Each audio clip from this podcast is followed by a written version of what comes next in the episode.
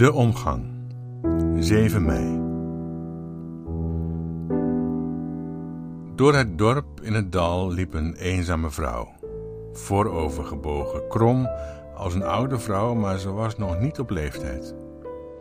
Ze droeg een kind in haar armen, in een doek gewikkeld. Ze huilde en was ten einde raad. Haar kind was doodgegaan en nu liep ze ermee rond, elke dag. Aan alle dorpsbewoners vroeg ze om hulp. Hoe kon ze dit ooit verdragen en afscheid nemen van haar kleine meisje dat haar zo lief geworden was? Waarom deed het leven haar dit bittere verdriet aan? Ze kon haast geen adem krijgen tussen haar snikken door en dag in dag uit liep ze door het dorp met haar kind. Haar leven was in een paar dagen tijd volledig tot stilstand gekomen tot een dorpsbewoner tegen haar zei: Boven op de berg woont een wijze man, misschien dat hij je helpen kan? En de vrouw beklom de berg. Het was een lange en inspannende tocht. Eenmaal bovenaan gekomen keek ze rond over de grasgroene alm en al snel zag ze een hutje waarvan ze concludeerde dat de wijze man daar moest wonen. Lang hoefde ze echter niet in onzekerheid te verkeren, want krakend en piepend ging de voordeur open en kwam er een oude man naar buiten, gegroefd gezicht, even krom als deze vrouw, maar bij hem was het leeftijd. De vrouw barstte in huilen uit toen ze hem zag en snikkend kwam ze stap voor stap dichterbij. Ik zie je, zei de oude man, en ik zie enorm verdriet, jouw eenzaam makende droefenis.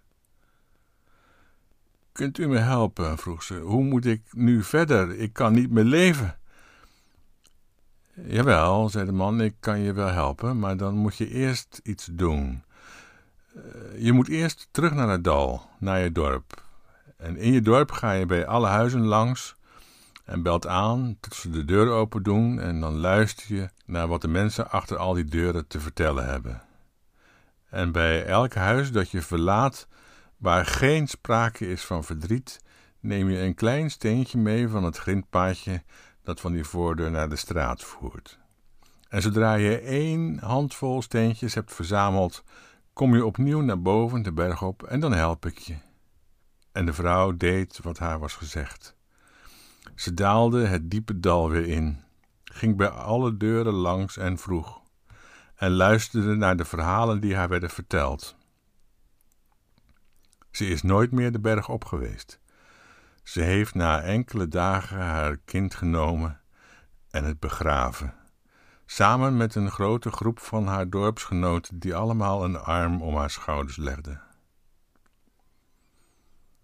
De apostel Paulus schrijft in Romeinen 8, vers 18 dat hij er zeker van is dat het lijden van de tegenwoordige tijd niet opweegt tegen de heerlijkheid ervan die aan het licht zal komen.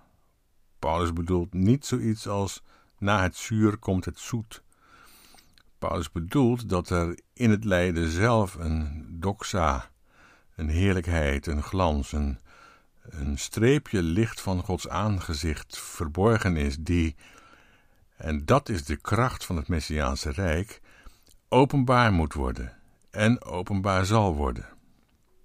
Kunnen we daar al iets van zien? Ik weet het niet. Misschien in die armen van haar dorpsgenoten om de schouder van deze vrouw, terwijl ze samen met haar afscheid nemen van dit lieve meisje, dat daar al iets van die doxa in zit. En de wijze man, ach, die wist dat ze niet zou terugkomen en dat dat goed was zo. Bedankt voor het luisteren. Tot morgen.